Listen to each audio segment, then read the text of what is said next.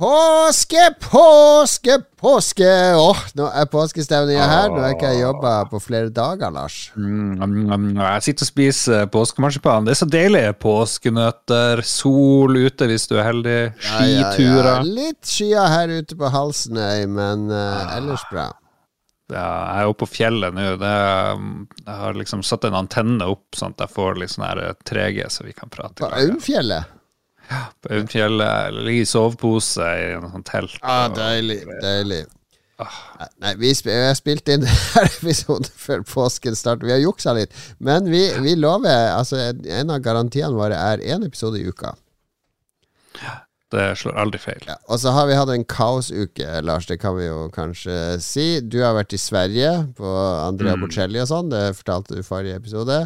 Jeg har drevet og bygd ny PC og uh, hadde masse styr på jobb med ting som må avsluttes før påske, og besøk av byråd og andre ting. Uh, så det, det, var en sånn maksimal uh, uke med mest mulig å gjøre. Ja, jeg har vært, jeg har vært sånn her onkel, superonkel. Stakk min stakkars bror og hans kone er jo sånn her overarbeida småbarnsforeldre. Vil helst jobbe til klokka seks-syv. Valgte sjøl! Valgte sjøl, er mitt svar. Ja, de er ambisiøse karrierefolk, ikke sant? og da er det bra med en onkel. Så jeg har vært sånn Fra morgen til kveld, fra klokka seks-syv om morgenen, så jeg har blitt vekt av unger. Så er det du sier, at du ikke er ambisiøs? Uh, jeg har jo vært ambisiøs i to år nå, så nå har jeg liksom uh, prøver jeg ikke skade helsa med å være for ambisiøs. Men det, det var kun du og din mor som var der nede nå? Ja, ja, ja. ja. ja. Tenker du, tenker du, nå som du har barn sjøl, altså du har fått uh, barn i fanget sjøl, tenker du nå Nå har jeg tatt de der forbannede ungene til broren min i flere, flere dager nå. Vært barnevakt, så de kan gå ut og spise. Mm. Tar de på morgenen. Tenker du at uh, i, innerst inne så tenker du at dette gjør jeg litt fordi jeg vet at jeg kan få dette tilbake, nå som jeg har barn sjøl. Når min bror, er på, min bror er på besøk, så kan jeg og min uh, samboer kan vi gå ut og spise mens min bror passer mine barn.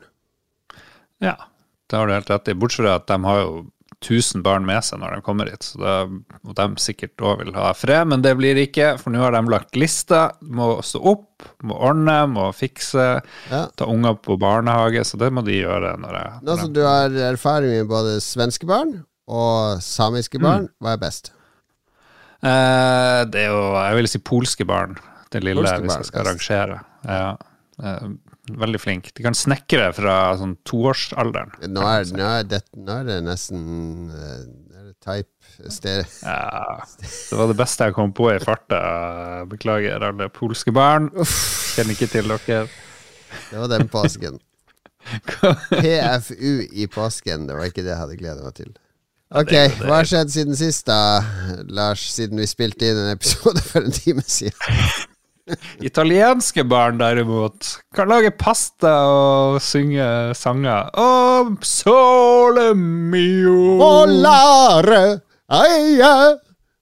Sånn går nå dagene. Nei, hva da du spurte om? Så jeg har hørt det er en sang om en bussjåfør som er blid. Ja, ja. Um, gjort tenkt siden sist. Vet du hva, Jeg hadde den morsomste bussturen ever her om dagen. Det vil si i dag. Slå seg, klaske seg på lårene. Morsom?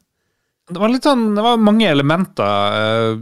Jeg og moderen kom på flyplassen på Evenes. Moderen er litt sånn halvnevrotisk. Var redd for at bussen av en eller annen grunn, var redd for at bussen skulle fære uten oss. Så hun for ut og prate med bussjåføren. Og bussjåføren sånn er, du, ja, du er jo litt sånn, du òg.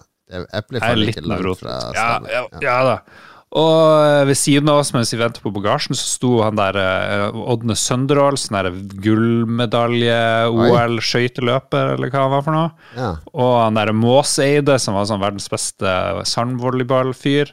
Uh, så det var litt artig. Og så plutselig var, satt vi ved siden av han der Måseide, ja, ja. syv meter høy, i bussen. Og så begynner vi å prate litt med bussjåføren og bare Jeg er velkommen! Jeg er fra en ordentlig by, den eneste i Nord-Norge. Jeg er fra Tromsø. Hvor Jesus. dere skal, folkens. Og PS, dere trenger ikke betale noe som helst for denne turen, og ingen skjønte helt hvorfor.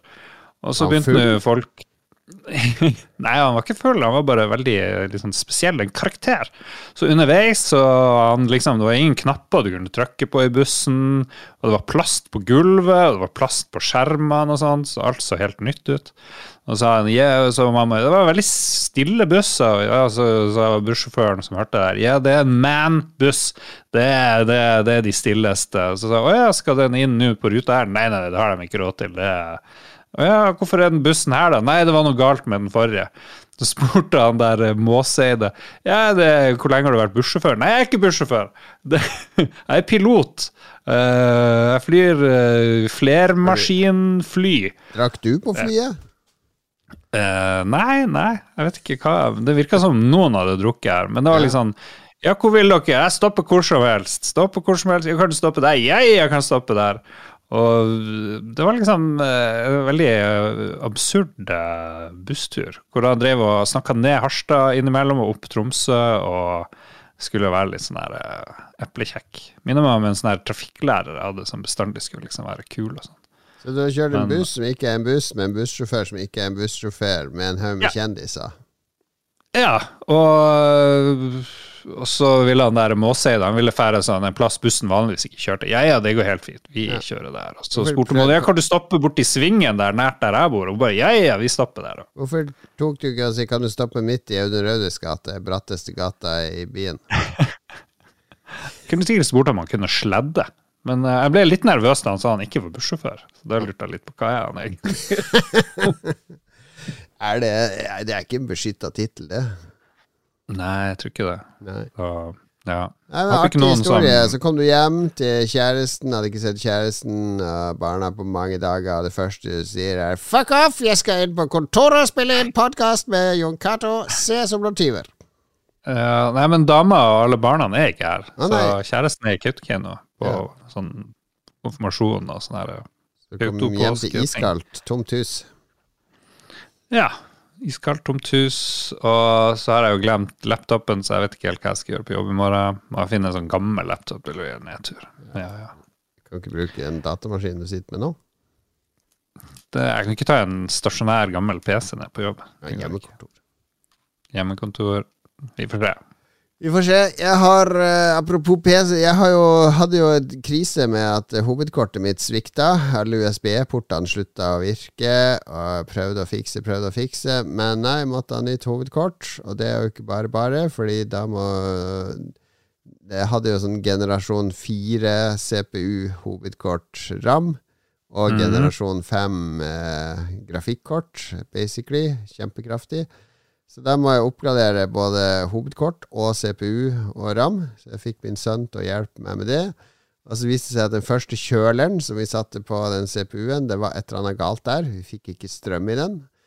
Og da får jeg angst. ikke sant? Du har kjøpt masse nye deler, det er kobla sammen. Bare Er det trafoen som har blåst en sikring? Er det hovedkortet som ikke funker? Begynner å feilsøke PC-komponenter det Da, det ja, da går jeg i kjelleren. Ja, fordi da, du spilte inn forrige podkast på laptop. Ja, da måtte jeg bruke Macbooken. Altså, jeg får jo kobla det gjennom den røde podkasteren, sånn at lyden blir jo helt fin. Men det er jo, det er jo som å, å, kutte av seg en arm. Det er helt annet. På PC-en er det full kontroll over alt, og mye bedre oversikt og ditten og datten. Så Uh, så jeg kjøpte en ny uh, Sendte tilbake den kjøleren og kjøpte en ny en, litt billigere en, og testa den. Og den funka så bare det. Så da fikk jeg PC-en opp og gå. Så da har jeg ah. installert Windows 11. Ja, da ble jeg så glad at jeg holdt på å besvime av glede. Fordi uh, det er stress. Jeg har ikke fått kjørt Fikk jo kjøre bil på halvannen uke i iRacing. Jeg har spill oh, som har ligget og råtnet Det er jo en del Altså, den grotta jeg sitter i her oppe, dette loftet, det er jo min eh, Det er jo min uh, safe space. Det er her jeg går for å lade batteriene. Jeg må jo ha maskinene mine rundt meg, ikke sant? Det er uh, Barna betyr ingenting. De tar De, de er jo her oppe og utfolder seg sammen med meg. Joakim er bak her og spiller VR og så videre og så videre. Så Mm. men jeg, jeg, jeg, jeg, vil jo teste nye spill. Jeg vil spille Jeg, må ha, må ha det. Det, det. det, er det eneste. jeg trenger, jeg trenger ikke å reise, jeg trenger ikke å spille golf, jeg trenger ikke mm. masse luksus og annet. Jeg må bare ha maskinene og skjermene mine og kjøresimulatoren min. Mm. Det minner meg om ei sånn her dame som skulle være kul. Hun syntes kjæresten spilte altfor mye data, så kjæresten sitter og spiller PlayStation eller hva, og så filmer hun Nå skal jeg gå og skru av uh, Skru av konsollen mens han driver og spiller. Og han blir jo dritsur, dritsur og så sier han til slutt This is all I have. du er litt der. Hvis kona di hadde kommet og skrudd av du hadde du sagt. Det her er det alt jeg har. Hvis, hvis, hvis samboeren din tok fra deg Kindlen, du leser altfor mye. Det er din uh, safe zone, Lars. Det det, det. Alle ja. vi har en sånn krykke i livet som vi støtter oss på, som er Det, ja, ja. det er min. Jeg vil, jo ikke bytte kona og ungene med det her, men i det hjemmet jeg har nå, så, så er jeg veldig glad for å ha det her. Du hadde bytta deg hvis kona di sa du får ikke lov å lage lolbua, du får ikke lov å spille. Da måtte du ha skilt deg. Ja, da, da hadde jeg skilt meg med en gang. Det er jo en selvfølge.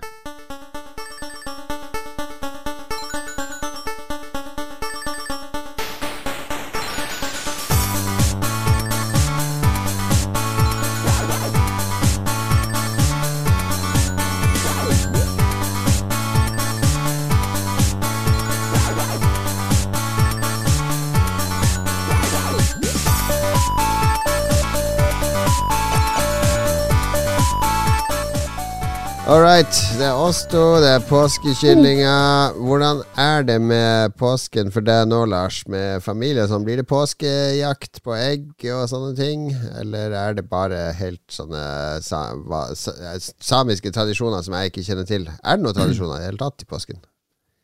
I, uh, for samene så er jo påska sikkert den viktigste. For da er det bryllup, da er det konfirmasjon, da er det jeg vet faen om det er dåp. Det er liksom da familien eh, samles, så det er super, superviktig. Så, så det, det, at jeg går glipp av deler av påska nå med kjæresten, det er, liksom, det er egentlig ikke innafor. Jeg skulle egentlig vært eh, et annet sted enn akkurat her nå. jeg må lære av din bror. Karriere først, familie second. Ja. Ja. Nei, jeg tenker en sånn kristen påske. Jeg har spikra sånn kors uh, hengt opp i hagen. Tenkte jeg skulle tenne fyr for å liksom ja, lyse litt opp. Det er enda mørkt. Ja. Uh, som en sånn hyggelig Ute på uh, Instagrammen vår. Ja. Så det, det blir populært. Nei da, det skal jeg ikke gjøre.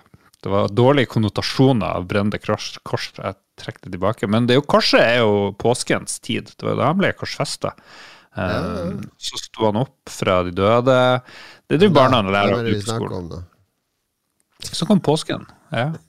Og kristne tradisjoner. Det er jo, vi er jo tufta på kristendommen her. Det burde kanskje burde ha en prest med neste års påskeepisode. Jeg kjenner noen prester.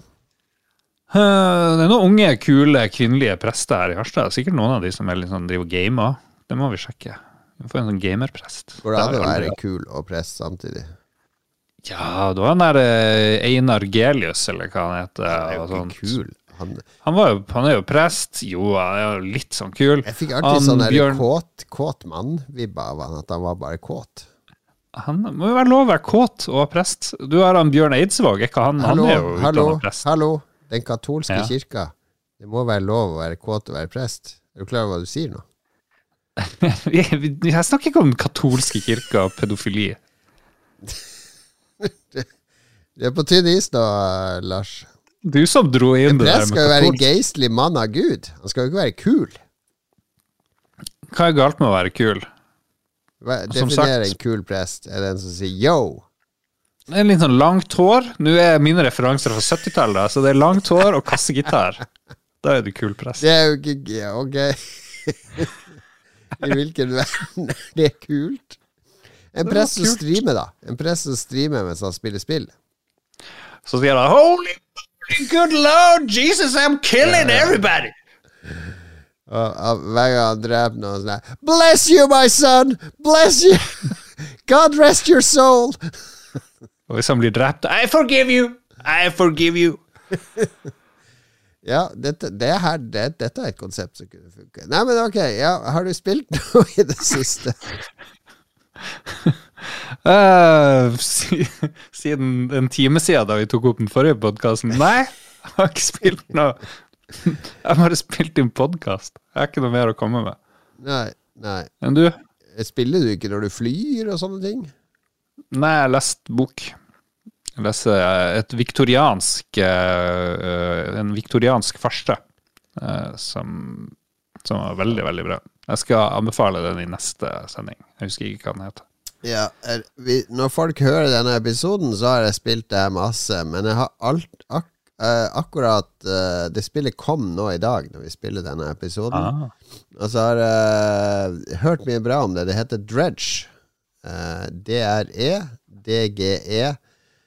Det handler om at du er kaptein på en sånn liten fiskebåt. Veldig sånn fin, mm. stilistisk 3D-grafikk. Jeg glemte å slå av Discord-lyden. Så nå kom det en Discord-lyd inn der. Beklager, ja, beklager. Men vi spiller inn i Discord, så jeg kan ikke slå av den lyden. Det ser ut som en sånn her uh, Windwaker-stemning, nesten. Ja, litt. Ja, litt. Det seiler rundt.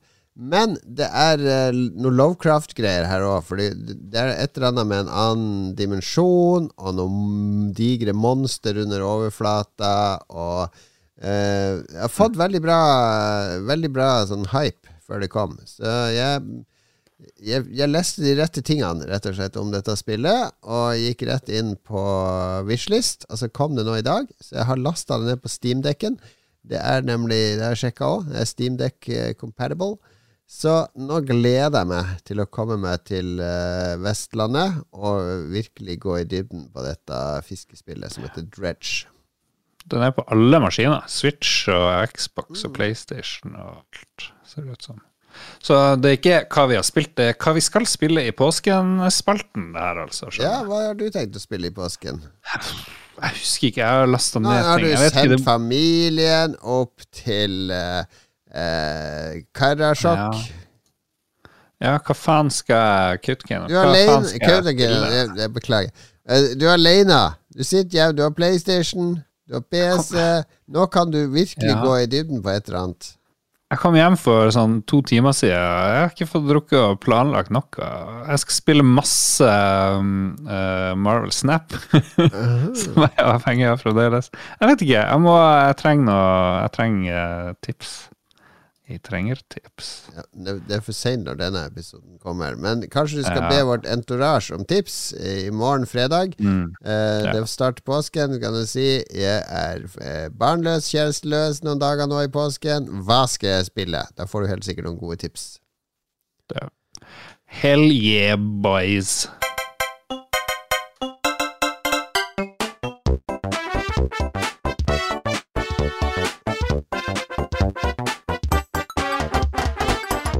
Kan jo være at det har kommet noen helt sinnssyke spillnyheter i de seks dagene siden vi spilte inn denne episoden.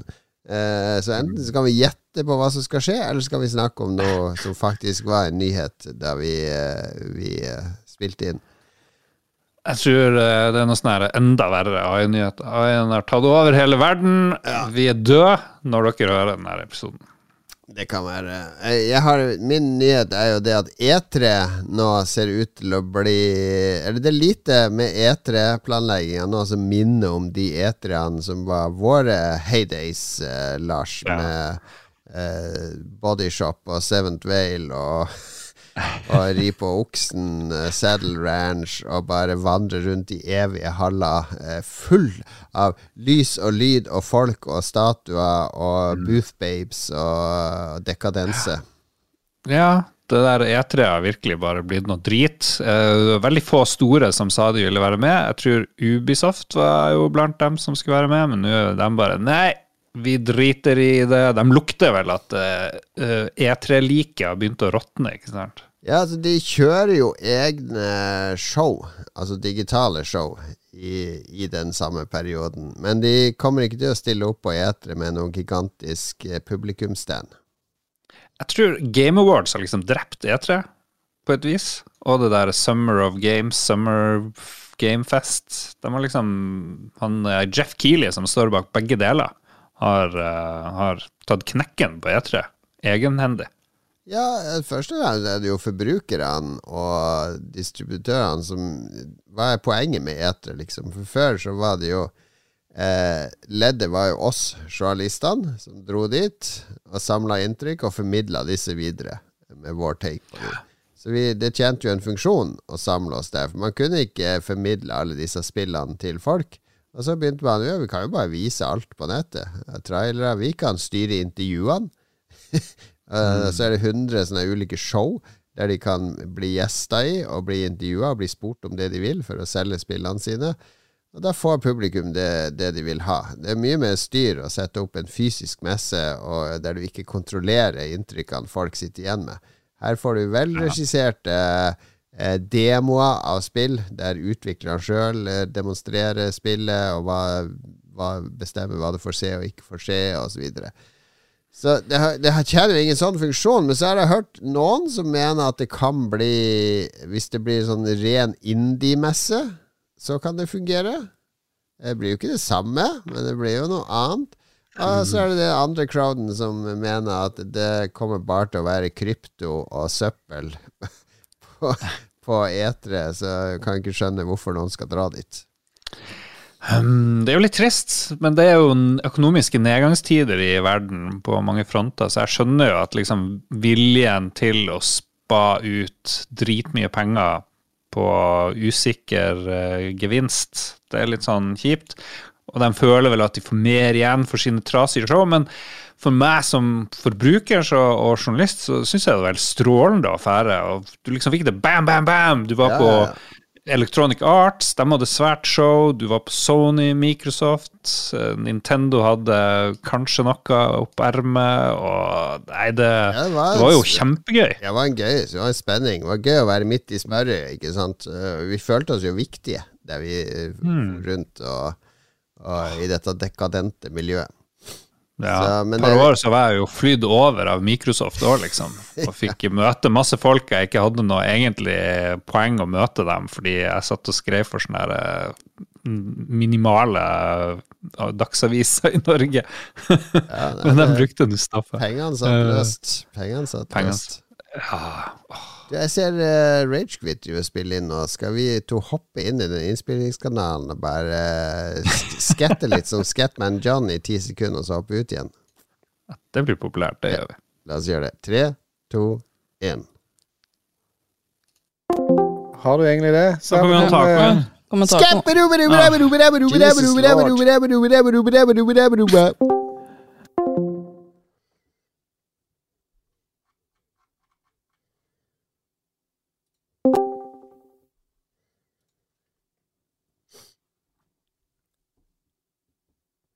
Da venter jeg på Lars. Kommer tilbake fra Scat Attack. Skatta du òg, Lars?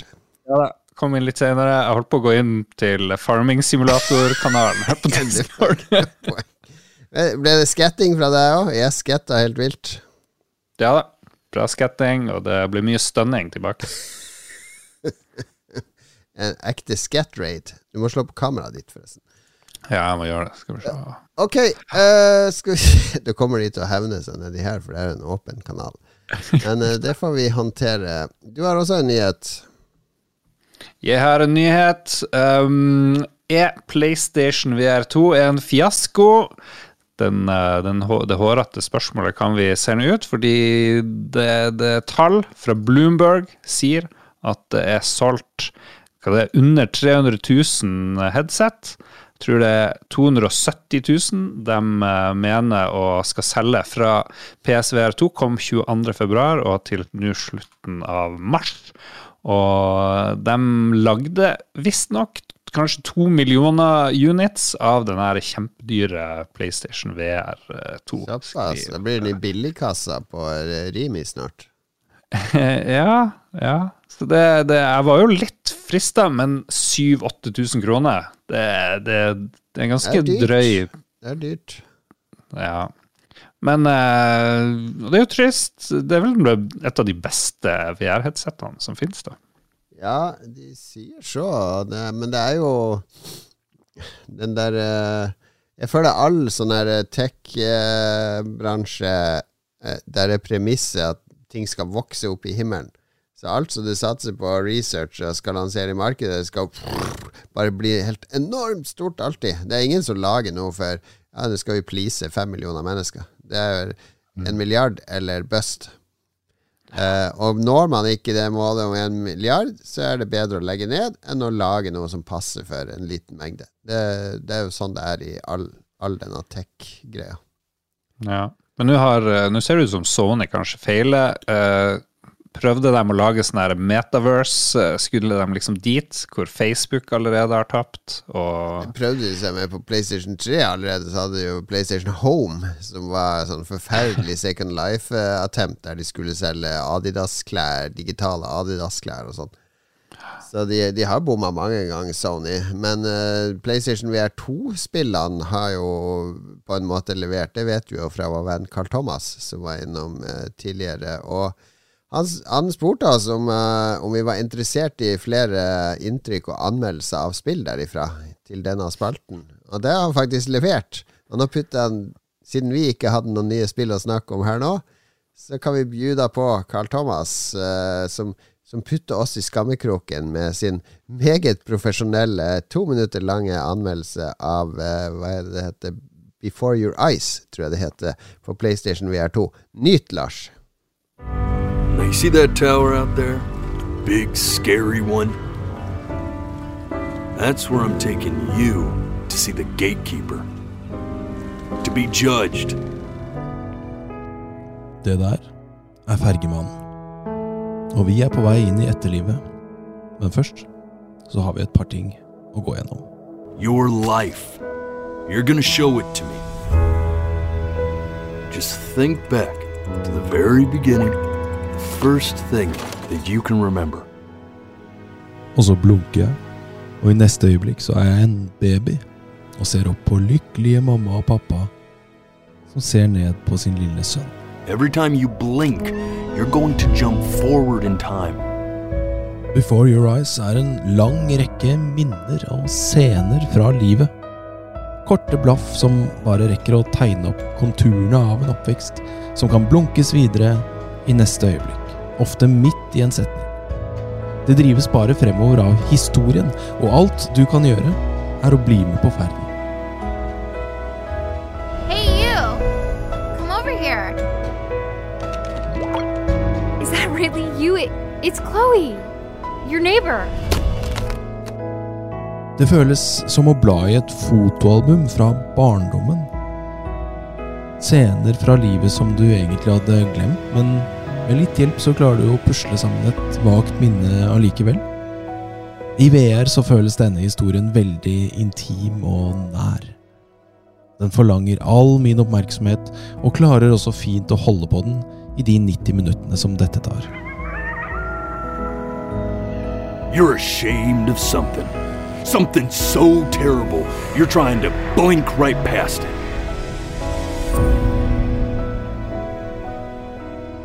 Og siden jeg opplever en del av historien gjennom øynene til et barn, så har Before Your Eyes fått meg til å tenke på oppveksten til mine egne barn, og hvordan de opplever meg som pappa, og hvordan de ser på vår familie, og hvilke minner vi skaper i livene deres. Det er kanskje ikke et teknisk mesterverk på linje med Gran Turismo eller Horizon, men å se dette livet passere i revy er ganske gripende. Det er en historie som behandler meg som voksen, og som forventer at jeg klarer å engasjere meg i et ganske ordinært menneskelig drama. Så i en VR-katalog som er ganske proppfull av zombier og horror, så er Before Your Eyes et spill det er ganske lett å anbefale til PlayStation VR 2. Now, the next time that you blink, I'm gonna send you back. And just try to enjoy it this time.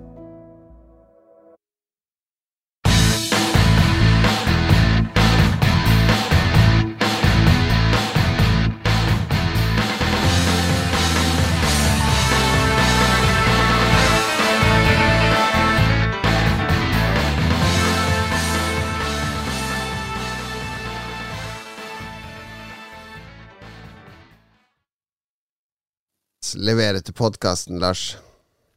Oi, oi, oi. Det, får oss, han får oss til å se dårlig ut, er jo det eneste problemet her. Superproft. Når skal vi komme ja. på det her nivået? Nei, det, jeg tipper det her varer veldig kort tid, og så er Carl Thomas tilbake i level up. Det er min spådom. Ja, nei, altså Det, det var fint, Carl Thomas. Og det gjorde meg nysgjerrig på spillet. Og PSVR2 flopp. Hvordan kan du si det, Lars, etter å ha hørt det her? Nei, det er, jo, det er jo ikke jeg som sier det, det er jo salgstallene som sier det. Så. Det har sagt i alle år. Ja, det her underbygger bare at jeg har rett. Underbygger bare at du har rett. Eh, men Ok, moderne spill, VR-spill, kanskje en flopp. Vi skal nemlig Vi er ferdig med 1986. Vi har kåra det beste spillet i 1986. Vi er klar. Du er klar, Lars? Du gleder deg ja. nå? Vi begynner på 1987. Ja. Hva da vi kåra som det beste spillet i 1986? Det har allerede glemt. Det var jo Selda. Ja, det var Zelda, ja. ja. Men det var mange ja. bra spill vi kom innom på ferden mot å finne Selda. Og det er jo det dette handler om. Dette handler jo om reisen. Reisen gjennom året, der vi skal utforske en lang rekke spennende spill. Ja. Kommer det noe nå i 87 som kan måle seg mot Selda? Eh, mest sannsynlig kan det måle seg mot Bubble Bobble. Der er jeg mer tvilende. Ja, det er jeg mer eh, skeptisk til. Men vi kan jo begynne med det mest soleklare spillet som kanskje skal måle seg mot Selda, fordi i januar 1987 så kom eh, 2, The Adventure eh, of Link. Eh, ja. Oppfølgeren til Selda, rett og slett. Eh, veldig kjapp produksjon her å få det ut eh, så fort, bare et år etter første Selda. Ja, lagd på sånn Super Mario-aktig måte denne gangen. Mm. Fordi det store forskjellen fra det, det, som kom året før, det var jo sånn top down. Klassisk old school uh, Zelda, 2D-Zelda-stil. Ser det fra toppen, uh, styrer Link rundt. Mens det her uh, ser du handlinga fra sida når du er i Overworld, og så er det top down når du er under bakken. Ja. Jeg må innrømme jeg har aldri spilt Zelda 2. Det, Nei, jeg spilte noe, og jeg, jeg syns det var litt utfordrende med den sideviewen. Fordi når du ser det ovenifra, så ser jeg for meg Link som en kul fyr. Når du ser det fra mm. sida, så ser du en sånn der eh, katolsk skolegutt i shorts. Det ut som en creepy, creepy ræv i menneskeklær. jeg ser, ser, veldig dårlig ut, 2D-link eh, fra sida, altså. Jo, men det er kanskje bra. Jeg vet ikke, Hadde Shigeru Miyamoto noe med det her å gjøre, liksom? Ja, han, øh, han er kreditert med sitt pseudonym Mi Miyahon i, i, spillet av en eller annen grunn. Og han hadde en intensjon om å, at uh, toeren øh, Ikke noe ordspill nå, Lars. At toeren ja, skulle være fundament forskjellig fra eneren. Toeren er jo fundamentalt forskjellig fra eneren. Ja, det er stort sett det samme det går ut på i toeren som i eneren. det er jo stor vesensforskjell. Ja. ja. Det er kanskje ikke så accessible toeren som i eneren. Nei, men man kan jo si at også her stinker toeren i forhold til eneren.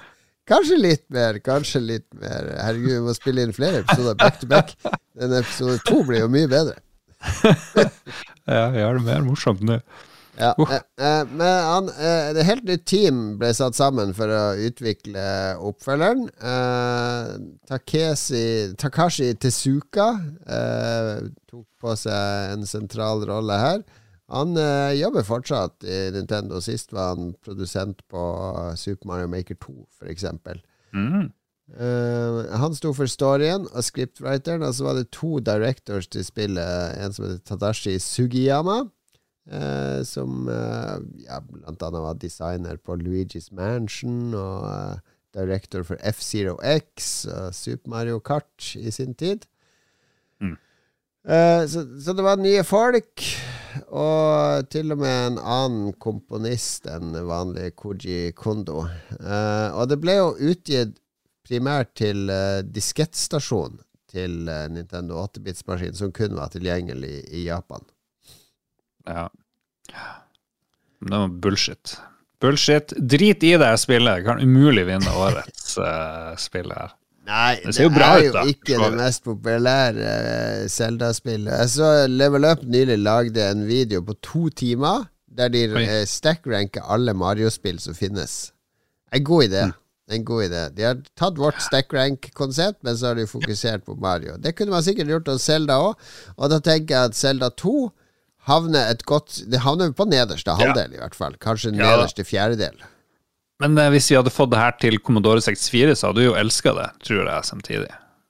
Ja, ja, jeg vet ikke. Jeg vet ikke. Det, det er noe det er noen nye elementer. Det er NPC-er som reiser rundt med egen agenda. Det er noe vi ser igjen i Breath of the Wild, for der er det også en del NPC-er som flytter seg rundt på kartet, som gir verden mm. eh, liv. Um, Triforcen ble introdusert i dette spillet. Dark Link dukker opp i dette spillet, altså den skyggeversjonen av Link som man må kjempe mot. Så det er en del sånn Zelda-law, eller uh, tropes, som ble introdusert der. Men det er liksom Det er pausespillet mellom første Zelda og Link to the Past på Super Nintendo, som er en virkelig klassiker som det blir gøy når vi kommer til om noen år. Hvis ikke A1 har tatt over eh, verden. Men ok, jeg er litt sånn fascinert. Kan jo bare A1 gå gjennom disse spillene. La oss høre litt musikk fra Selda når vi først snakker om det.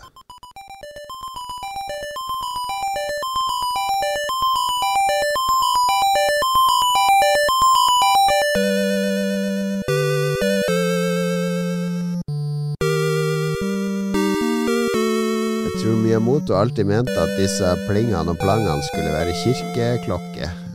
Eller mm. ordentlig klokkespill. Ah. Så vet du det. Da vet vi det. Du kan liksom shapeshifte i Zelda 2. Så du kan bli sånn fairy, og du kan bli sånn forskjellige ting, da. Nice. Det er litt uh, spenstig. Right, uh, apropos fairies. Ja, hva da? Tenker du på neste spill? Har ikke noe med det å gjøre. Nei, jeg, hoppa, jeg har ikke hoppa for langt ned. Apropos Kings. Nei da. Apropos Delta 64. Vi skal til Delta. Vi skal til et spill fra Talamus uh, Software, eller Tama, Talamus Limited, som de kalte seg. var en ny britisk uh, publisher som uh, slo seg opp og frem med spillet Sanxion. Det snakka vi om i 1986. Denne, deres neste spill var et spill som heter Delta. Også dette laget, mm. skytespill laga av Finn, det finske vidunderbarnet Stavros Fasaulas. Kjempegod programmerer. Og med musikk av Rob Hubbard. Og Delta spilte jeg sykt mye. Det er sånn klassisk 2D-scroller-skytespill der du scroller mot høyre. Der du flyr et romskip som roterer rundt seg sjøl. Veldig, veldig ja. vakker sprite. Og du skal gjennom ulike waves. Noen ganger er det fiender som skyter tilbake. Noen ganger er det bosser. Noen ganger er det asteroidebelter. Det var alltid et, uh, et stressende element. Men uh, uh, Og disse wavene er samme. Så når du dør, starter på nytt, så vet du wave 5 er vanskelig. Wave 7, da burde jeg gjøre det. Du lærer deg de etter hvert, sånn at du kommer lenger og lenger. Jeg tror jeg kommer over wave 30 eller noe sånt. Mm.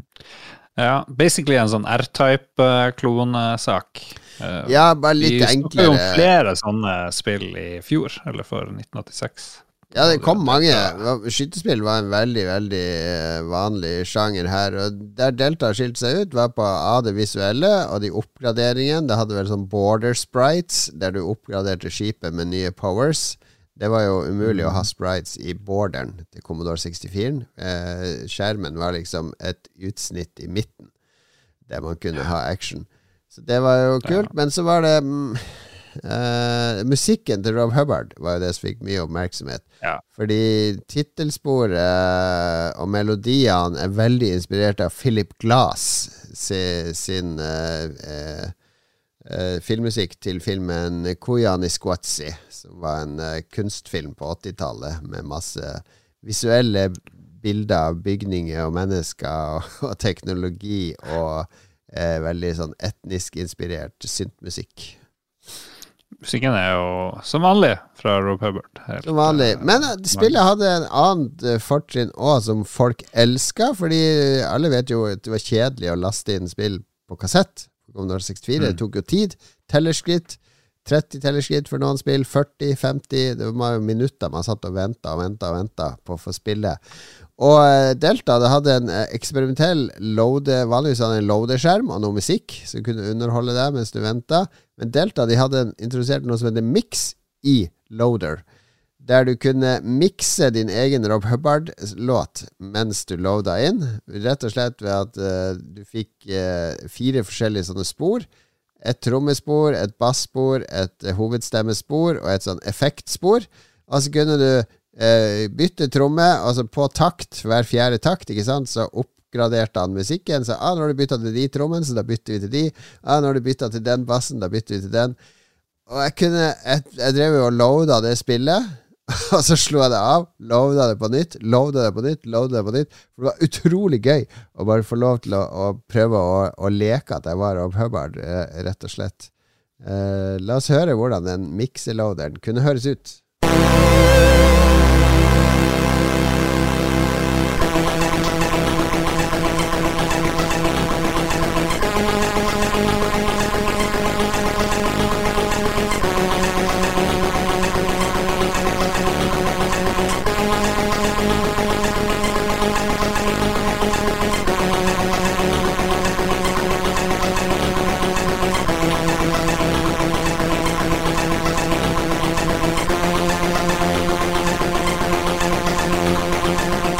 Skulle kanskje bytta litt mer på sporene her. det ikke super exciting. Men jeg kan ikke huske jeg, Kanskje ikke Jeg spilte jo det her på Commodore ja, 64. Pirat men, uh, turbotape, tenker jeg. Jeg hadde det sikkert på diskettstasjonen, tipper jeg. Mm. Faen om det var sånn. Styr det. Ok, neste spill ut. Nå skal vi til Amigaens vidunderlige verden, Lars. Endelig. Juhu! Amiga times. Når, eh, når, Amiga kom, så var jo alt nytt og spennende. Ikke sant? Grafikken var 4096 farger. Helt syk oppløsning, helt syk lyd. Helt sykt kraftig maskin. Uh, og et av de første spillene Defender of the Crown var en sånn showcase, men når man hadde spilt mm. litt, så så man ok, dette er jo egentlig bare et slideshow veldig enkle ting. Mens for ja. meg og min venn Lamo så var det The Fairytale Adventure som var det helt store spillet som, som solgte Amigaen inn til oss. Fordi dette var et top down rollespill eh, slash eventyrspill med kommando på skjermen, der du skulle gå rundt og slåss, og det er tekst, og det er stats, og det er eh, ja. Aran, vet du om spill. hovedpersonen har skoliose eller noe sånt, fordi han går veldig sånn med ryggen skeiv? Eh. det, det, jeg tror ikke han har skoliose. Han er på jakt etter sine brød det, er tre playable characters uh, som er brødre, så vidt jeg har skjønt. Og Julian han er en, en kriger. Philip han, er, uh, han har flaks og er litt clever. Og Kevin er snill. så disse har da ulike stats som skal hjelpe deg i denne questen. Og det var en gigantisk verden å utforske. Uh, men det jeg husker, var at jeg skjønte aldri hvor jeg skulle gå, eller hva jeg skulle gjøre. Det, det var utfordringa med dette spillet. Og min venn Lamo han kjøpte originalen for 500 kroner av dette spillet. Oi, ja. Jesus. Ja, Nei, men Så gøy. Jeg spilte aldri det her. Jeg har aldri hørt om det før nå, faktisk. Så det, har, det, det, står kanskje ikke som en påle i Amiga-historien. Ja, det, det har eh, det, det, betydde mye for mange. Fordi i starten så var dette et av de mest spennende spillene på Amiga. Rett og slett fordi det var noe nytt og ukjent og langt mer ambisiøst enn mange av de enkle portene som eh, dukka opp i starten. Så eh, jeg, jeg, har en del tid med dette spillet, rett og slett. Noe musikk fra det mm. har jeg ikke. Så vi kan gå videre til et annet Amiga-spill som kom denne måneden. Det, nå skal vi til Cinemaware. Cinemaware ja, var jo de som eh, på en måte var eh, solgte inn Amigaen til eh, folk som, eh, som venta på det store nye mm. innen grafikk. For Defender of the Crown, som vi har nevnt, det var Cinemaware. De kom også ja. med et spill som heter Strategic Defense Initiative. Det har vi ikke tatt med den måneden det kom. Det var ikke spesielt bra. Men King of Chicago Jeg husker jeg elska Defender of the Crown, og King of Chicago Jeg ville like det òg, fordi det er basically Defender of the Crown, bortsett fra at man er gangstere i Chicago. Ja, jeg må innrømme, jeg hadde jo nesten alle Cinemaware-spillene, men det her tror jeg ikke jeg hadde. Jeg hadde Rocketeer og Three Stooges og alt mulig jeg klarte å finne, liksom. Men jeg vet ikke helt hva som skjedde med, med, det her. Men du sier at det er litt sånn Defender of the Crown-aktig. Det, det, jeg tenker der, er at det er masse ulike små spill liksom, knytta sammen av én historie, på et vis. Ja, det er jo det. Drive-by-shootings, bombings, gambling og, osv. Mange sånne typiske mobsteraktiviteter. Så er det flere måter å vinne på. Og Der er det også litt sånn likt Defender of the Crown, at du kan spille det flere ganger og gå litt sånn forskjellige stier eller forskjellige mål. Uh, ja. Men jeg, jeg, jeg, husker når jeg ser skjermbilder av det nå Jeg husker at det så så sykt realistisk ut, men nå ser du det er bare noen sånne uh, dårlige hoder som er satt opp på noen sånn elendig tegna bakgrunner. Så jeg har nok bedre minner av det enn spillet faktisk mm. var. Jo, jo, men eh, vi hadde jo veldig små, små krav. Vi kom jo fra Commodore 64, og da var jo det her var jo helt magisk. Ja. Så er det sånn Picard-skalla fyr her, ser jeg. Han er en av mafiabossene. ja. Nei, men det, det var, var, også noe med stemninga. Jeg var 14 år her. Jeg kjente jo Jeg hadde ikke sett noen gangsterfilm. Jeg hadde ikke sett Goodfellas og, og Gudfaren og alle disse greiene. Så det var mitt første møte med mafiaen. Var jo rett og slett King of uh, Chicago. Uh, det Jeg vet ikke om det prega mitt forhold til mafia. Du hater jo mafiafilmer og sånn, Lars. Ja, jeg klarer ikke å relatere til sånne mafia-sopranos. Fordi du aldri spilte King of Chicago? ja, kanskje det. Kan være det. Mm. Har ikke noe musikk fra dette heller, men jeg skal, vi kan spille noe musikk fra et, uh, en Arkanoid-klone som kom denne måneden på Commodore 64, mm. som heter Crackout, som var ganske fornøyelig, oh. men ikke fornøyelig nok til å komme opp her.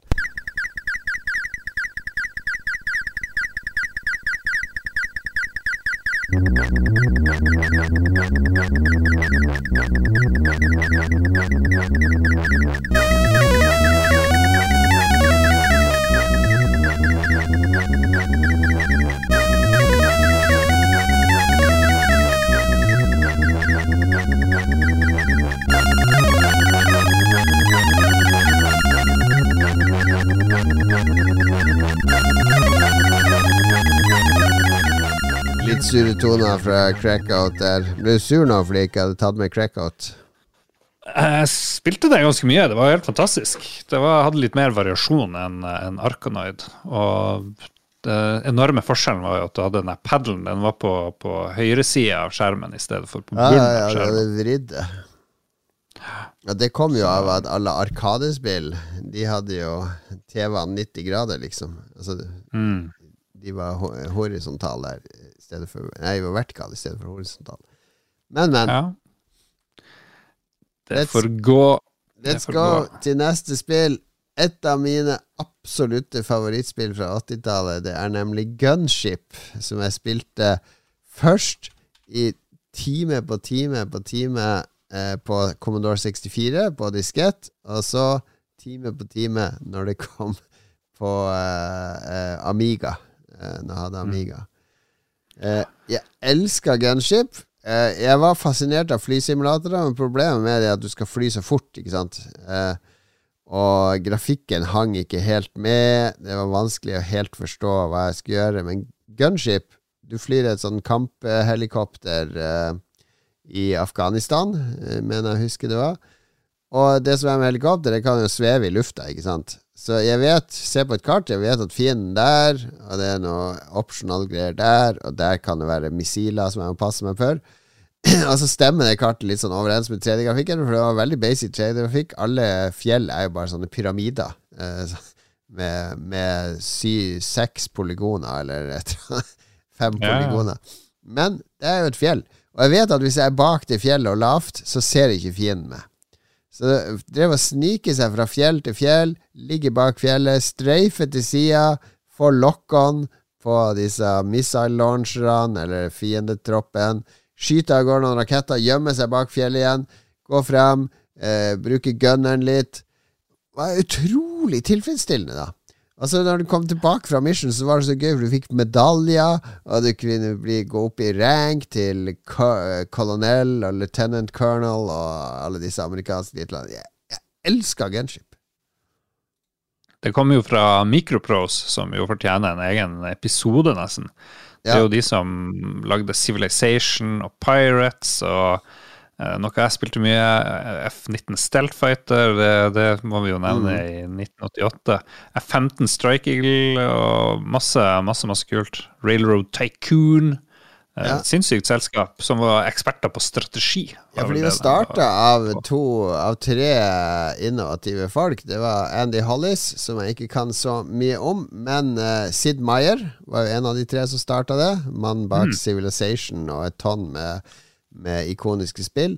Og så var det han Wild Bill Steely som også var med. Han var jo en pilot. Uh, han, han var jo ikke noe gamer, men han var jo kampflypilot. Så jeg tror han brakte denne simulatorgreia inn sammen med Sid Meyer, Sid sans for gamedesign osv., og, og hva det Andy Hollis gjorde? Tja ja, Han var vel kanskje teknikeren. Den som kunne programmere. Ja, gud vet. De var vel stor på sånne her uh, ulike simuleringsspill, både ja, sånn uten data og både, både, med og uten datamaskiner, så var det mye jeg likte dem. Sånne war games og sånne ting. Hvis jeg husker rett fra når jeg har lest om dem. Men det er utrolig interessant. Ja, så gikk det som det gikk med mange selskap, ble bare kjøpt opp av noen andre, og så ble det bare drit eh, etter hvert. Evig eies kunde tapt. tapte. musikken fra Gunship er så amerikansk militærmusikk som du får det.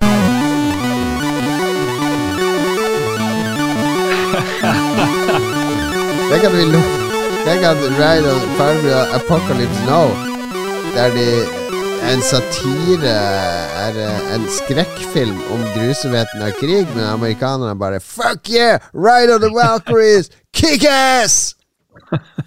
Charlie, don't surf! All right, siste spill ut. Meget god Aliens. film. Aliens. Det har kommet mange spill basert på Alien og Aliens. Eh, dette er faktisk et av de bedre. Ja, jeg drev lurte på om jeg spilte Jeg tror jeg spilte, det så veldig kjent ut, men det ser jo veldig weird ut, eh, det her, altså, må jeg si.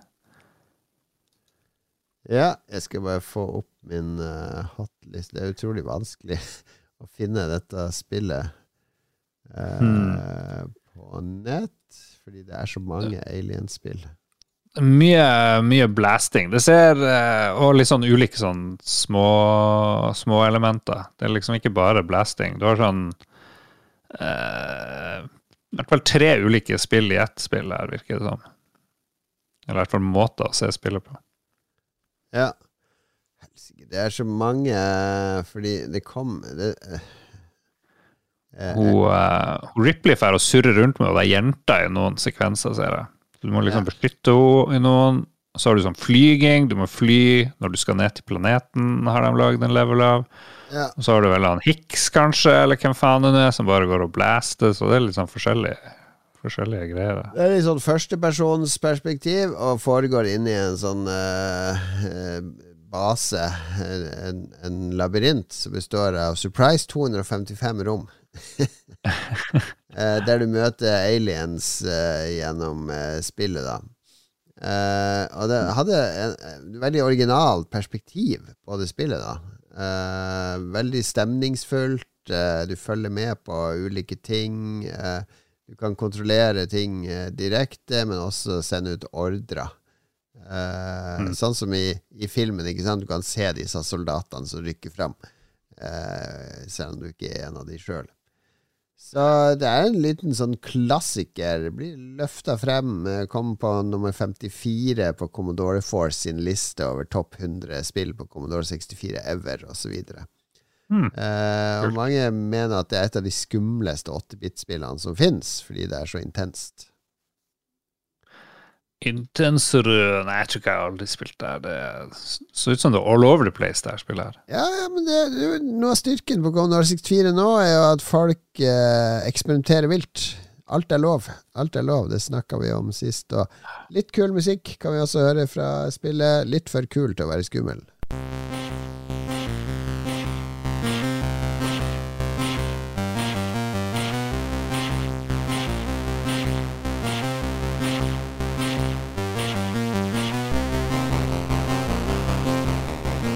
Uh, en alien kommer! Ah! right. Da sitter vi altså igjen med seks spill her, Lars, eh, som starter 1987. Selda 2, Delta, mm. Fairytale Adventure, King of Chicago, Gunship og Aliens. Ja um, spørs, om, eh, spørs om Amiga klarer å liksom vinne denne runden her, altså. Jeg vet ikke. Det, ja, det, er litt, det, er, det tar en stund før Amigaen begynner å finne formen. Det var mye ræl i starten, så det, dette når nok ikke helt opp. Selda vi kan ikke Hvis vi har med Selda 2 ikke sant, i den endelige kåringa De dumme lytterne våre bare Eller er det noe jeg kjenner igjen her? Ja, Selda har jeg hørt om! Trykk på det! Trykk på det! Så der kommer den til å vinne, og de sier jo det må vi forhindre her nå. Jeg kan ikke kalle lytterne våre dumme. Nei, uvitende. Det er ikke det samme. Ja. Ignorante. eh, nei, jeg holder klar Det er enten Delta eller Gunship her for meg, rett og slett. Delta eller Gunship Ja, jeg er for så vidt enig, siden jeg, det er veldig mange av de spillene jeg ikke har spilt. Um, Delta minner jo veldig mye om uh, spill som andre gjorde minst like bra, men musikken trekker det veldig, veldig opp. Uh, det gjør jo det. Så Nei, jeg vet ikke hvor mye sånne um, flysimulatorer vi har. Vi har vel snakka om flysimulatorer tidligere, men uh, Gunship var bra. Og det var Mikropros, så kanskje Mikropros skal få lov å liksom uh, få sin inntreden i topplista vår her. Kommer jo tilbake seinere, vil jeg tro. Da sier vi det at eh, januar 1987, nytt år, nye muligheter, og vi starter med hardcore uh, helikoptersimulator. Sid Meyer, Wild Bill Steely og han der Andy-duden sitt uh, gunship, rett og slett. Gratulerer, Sid Meyer. Fortsatt uh, like relevant.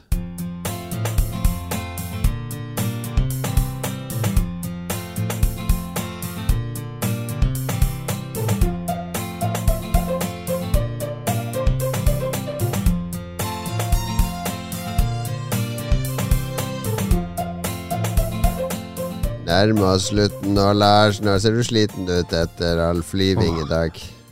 Ja, det, det, sånn er det. Sånn er det. Ofre alt for lytterne. Lytterne, lytterne fortjener uh, det, vi, det de får, for å si det sånn. de fortjener kun det beste. Vi har bare anbefalingsspalten igjen. Og litt lytte. Litt klassiske lytterbidrag som vi aldri rakk.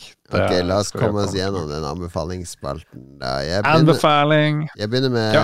en bok. Jeg har hatt litt sånn boktørke i det siste. Jeg klarer ikke Jeg tenner ikke lenger på fantasy og sci-fi og et eller annet. Jeg har mista Mista gnisten for det. Ja. Du trenger bare noe nytt. Jeg trenger noe nytt og originalt. Og nok Cormac McCarthy har jeg jo alltid likt med Blood Meridian og The Road, og uh, han er jo en, en samtidsforfatter som mm. har en sykt kul skrivestil, da. Veldig sånn uh, direkte, litt sånn Hemingway-aktig, men litt mer kunstnerisk ja. prosa. Og han har kommet med to bøker nå. Den, er, heter, den ene heter 'Passasjeren', og den andre husker jeg ikke hva heter, men det anbefales å lese 'Passasjeren' først, fikk jeg høre. Så den er jeg nesten ferdig med nå. Og den har vekka tilbake leselisten min. Begynner med en dykker som dykker ned En sånn redningsdykker som dykker ned til et flyvrak som ligger utfor uh, uh, land, altså ikke så langt fra land. For det er noen fiskere som har sagt de har sett det flyvraket på bunnen. Og De dykker ned, og det har ligget der noen dager. Og det har ingen skader, og det er ni passasjerer inni der som er drukna og sitter fast i setene mm. sine. Eh, og så kommer det noen FBI-agenter, påstår de, og skal snakke med han. Så det, det er en veldig weird setting. Eh, og en veldig ja. sånn eh, down to earth-setting starter i New Orleans der. Så jeg vet ikke helt eh, jeg, skal ikke si så mye mer, Fordi det, det er bare morsomt å bli med på den reisen. Ok, kult. Mm, veldig bra anbefaling eh, der. Kanskje noe for deg i påsken nå, Lars? Litt påskekrem, ja. Uh, det skal jeg laste ned på min Kindle mens jeg hører på Now Is, en uh, halvny plate fra i fjor, fra Rival Consoles, som er sånn perfekt, blant annet jobbe- og flymusikk når du ikke vil ha sånn feststemning, men Eh, noe som kanskje vi tidligere har kalt for IDM, intelligent dansemusikk. Men det er mer sånn eh, Jeg vet du hater det, det var derfor jeg sier det. det er jo bare elektronika som minner om eh, dansing. Det er ikke egentlig dansbart, men det er liksom grenselandet. Uh, Hvorfor skal du ha med D-en, da? Som står for dance? Jeg vet ikke, det er hva som har funnet opp de her, uh, de her greiene. Men han der Rival Consoles-fyren, det er vel én mann. Og man må jo elske navnet bare siden det er konsoll i tittelen. Men han driver vel mye sånn analoge synt-greier. Og hans forrige album, som kom i kanskje 2018, eller hva farsken det var, uh, Persona, er kanskje hakket hvassere. Men um, det her uh, Now Is er helt, uh, helt, der oppe. Hvis du trenger litt sånn uh, bra ting å, å, ha på når du ikke skal kjøre full pupp med masse energi. All right. Now Is, Rival Consuls og Cormac McCarthy sin bok Passa Skjæren. Og da skal vi innom noen lyttebidrag. Ja. Eh, vi har to runder med, med lytterbidrag vi ikke kom i havn med. Sist gang ble du sur, for jeg drev avbrøyta midt oppi noe sånn skryte... Jeg skulle få skryt.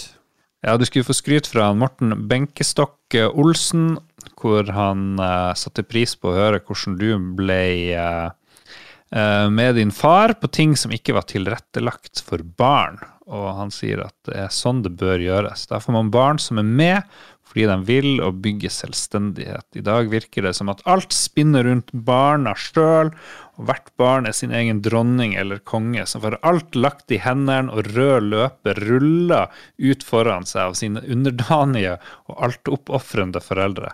Ta barneoppdragelsen tilbake, sier han. Ja, nei, eh, det er noe sant i det han sier, kanskje. Ja, gud vet. Det, jeg kjenner meg veldig enig i det der at man driver og alt spinner rundt de her barna. Eh, det har vel aldri vært mer psykiske problemer og, og, misfornøyde folk. Men om det har med barneoppdragelse eller internett eller hva nå enn det har å gjøre med, det aner ikke Det er vanskelig å si, men jeg skylder på de sosiale mediene. Og podkaster. Podkaster bidrar sterkt. Ja, spesielt Lolbua. Ja, ja. Megamye. Mm. Har du funnet bidragene, eller må jeg lese opp alt? Jeg har ikke Facebook på PC-en. Du har ikke sånn... Facebook på PC? Det er, det Alle har Facebook på PC. Ta seg en bolle. Nei, men jeg har sånn Jeg må logge meg på hver gang. Jeg kan gå og se på mobilen. Ja, mens du eventuelt klarer det, Petter Hagen uh, gir oss et dilemma. Veldig sånn påskeaktig dilemma. Vi er på hyttetur, men det er krise. Det er bare en halv dorull igjen, og det er fredag kveld. Jeg tror jeg mener at butikkene er stengt. Hvordan løser vi det? Er det de eldste som får mest? Blir det gjenbruk? Går det utover sokkene? Det han sier, er vel at uh, vi har for lite dopapir. Det kommer til å gå slutt, og vi er på hyttetur. går mye dopapir når vi er på hyttetur, Jon Cato? Det gjør det. Nei, den der uh... Nei, der får man bare vaske seg. Vaske seg. Ja, spyledo vil jo løse veldig mye av det her, men man må jo bruke eh, Sokk, det høres ikke bra ut. Man må jo bruke fingrene, og så må man liksom fingre sjøl litt analt. Uh, det er jo ikke skrape. å fingre deg sjøl. Skal bare bruke fingrene. Jeg vet ikke hva du tenker på. Også, først, først, så ville Det første jeg hadde gjort nå, herregud, det er krise, så hadde jeg gått på kjøkkenet og så funnet alle serviettene. De hadde gjemt til meg sjøl. Gjemt uh, i min, inni dynetrekket mitt. Ja. Å nei, å nei. Da får vi resonnere på dopapiret. Og så sett, er det noe avispapir her? Det er ikke optimalt å tørke seg med. Blir full av trykksverte i ræva og sånn. Ja, Men hva gjør du med serviettene? For du kan ikke kaste dem helst ned i do, for kan, de er ikke lagd for å oppløses opp i vann, sånn som dopapiret. Så da kan det bli veldig fort tett de, hvis du skal drive og stappe masse Hive i peisen i bålet. ja, det er jo noen som bruker bæsj som gjødsel, det vet jeg, men jeg vet ikke om sånn fersk bæsj. Ja, det, kan vi ikke bare dra fra den jævla hytta? Må vi være der? Vi er jo på hytta, det er kanskje det hytteturen vår. Uh, ja, da kjører vi jo ned på Joker og henter. Eller så går jeg ja, til okay, jeg går til nabohytta og knuser vinduet og krabber inn, og så tar jeg alt dopapiret de har. Ok, da vet dere det er naboene til Jon Cato-hytta. Ja. All right. Uh, Stian Skjerven. Uh, vet vi noen som har gjort noe skikkelig kriminelt og fått mange år i fengsel? Uh, jeg tror alle kjenner til noen kriminelle, det tror jeg. Ja. Det er, det er mange veldig år, mange år. Altså mer enn ja. en to? Du kjenner noen som har to år i fengsel? Det høres sånn ut. Nei, jeg kjenner noen som har et halvt år og ett år. Jeg eh, kjenner jo Nelson Mandela kjenner jeg til. Han satt mange år i fengsel. Ja. Litt mer kontroversielt, men jeg kjenner noen som jeg tror var kriminelle, men som aldri havna i fengsel. Så, sånn vellykka. En sånn eh, mer sånn Sopranos Sånn Sopranos-aktig fyr. Litt sånn her uh, Spider-Man. Spider Hva kan hete? Edderkopp. Ja. ja, nei, jeg kjenner jo noen kriminelle. Det gjør jeg jo skikkelig kriminelt, det er jo sånn jeg Snakker vi drap eller væpna Jo, jo, jeg, har jo han eh, tidligere økonomisjefen på jobben min. Han prøvde jo å sprenge en moské og rana to banker da han var ung. Jesus. Han, han satt jo flere år i fengsel. Økonomisjefen i Oslo kommune prøvde å sprenge Økonomisjefen i bydel Grünerløkka. Han er med i en sånn NRK-dokumentar der han snakker om ungdomstida ja, ja. si og sånne ting. Så han er eh, eksempel på at du kan rehabiliteres. Hmm. Han har vel en 850 vekttall eller noe sånt, hadde han sist jeg pratet med, for han tar eksamener hele tida mens han er eh, direktør.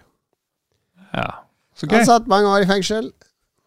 Ja, nå er han uh, fri og frank. Um, veldig bra. Apropos uh, folk i fengsel, han Varg Veum som jo drepte noen. Han som spilte i Bursum Nei, hvordan spilte han? Han, han var Bursum. Han spilte han vel bitte litt i Mayhem. Mayhem. Ja, han, eh, han, er aktiv på Twitter og er på ytre høyre fløy. Og siste nytt er at barna hans vil ikke Han har en datter som ikke vil snakke med han.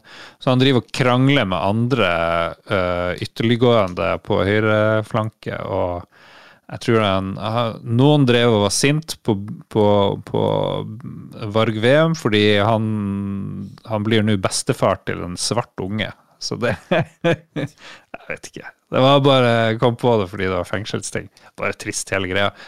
Det, han er ikke rehabilitert, tror jeg. Men han har vel ikke slutta å drepe folk, da. Åh, ja. Skulle ønske vi klippte enda, for det der hadde jeg klippet bort. Ja, du har, en uke på deg til å klippe der. Nei, jeg har ingenting å gjøre. Ingen familie. Ingen, jeg har ikke noe laptop.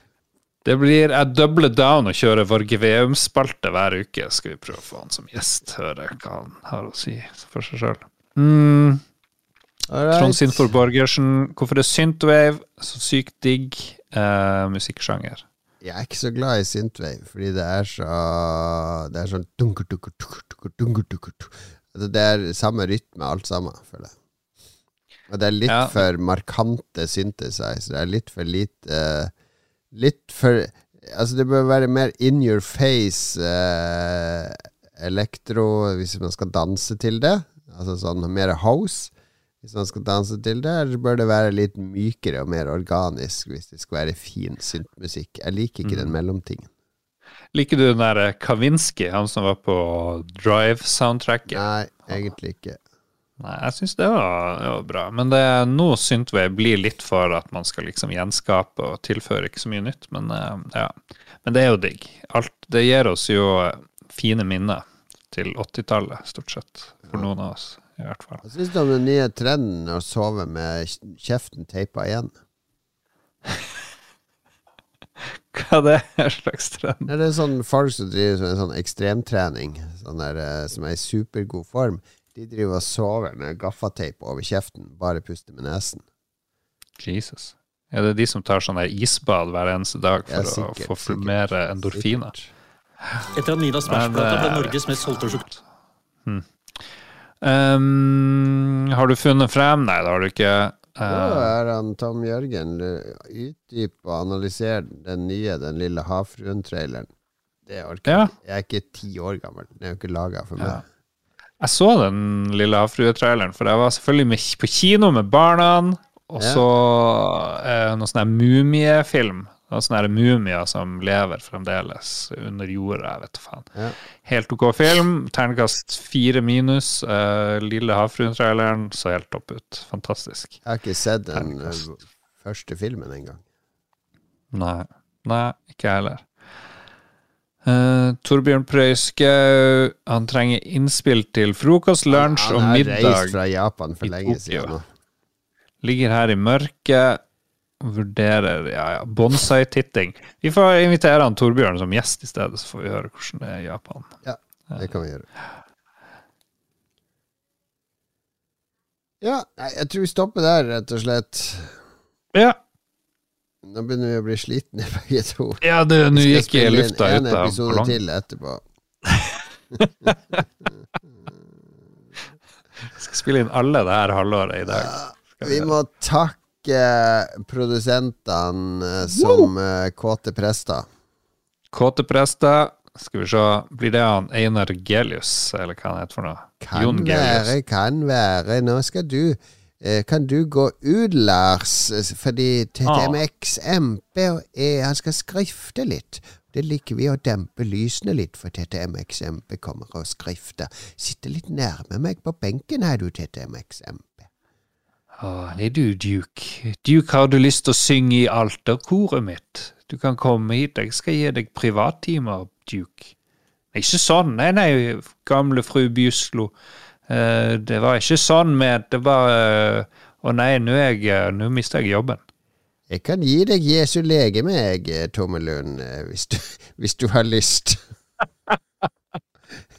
det var. Veldig creepy, men Nå får vi klager. Vi får, får av og til klager fra religiøse. Når ja, ja, det er lenge siden. Men hei, Gøran. Hei, Gøran. Har du lyst til å, å, å kjenne på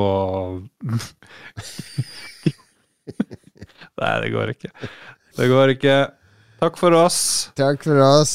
God hjert, god påske, uansett om du feirer den mm. på samisk vis eller kristent vis, eller bare daffer rundt i byen som en urban eh, jævel. Så Senterpartiet hater deg, der du nyter kaffelatten din eh, vandrende over Grünerløkka. Jeg vet ikke hvorfor jeg sier de her tingene nå. Det er altfor seint, Lars.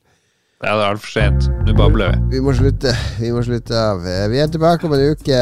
Da er forhåpentligvis Mats med òg. Og da har vi jo hatt hele påsken på oss til å spille nye spill, så da blir det inntrykk fra Dredge og andre spill som jeg skal spille på Steam-dekken. Og du, Lars, skal få tips fra lytterne. Ja. Tusen takk, lyttere. Veldig gode tips. Gleder meg til å spille det du mente jeg skulle spille. Sweet, sweet. Ha det bra. Edo. Har du et enkeltpersonforetak eller en liten bedrift? Da er du sikkert lei av å høre meg snakke om hvor enkelt det er med kvitteringer og bilag i fiken, så vi eh, gir oss her, vi. Fordi vi liker enkelt. Fiken superenkelt regnskap.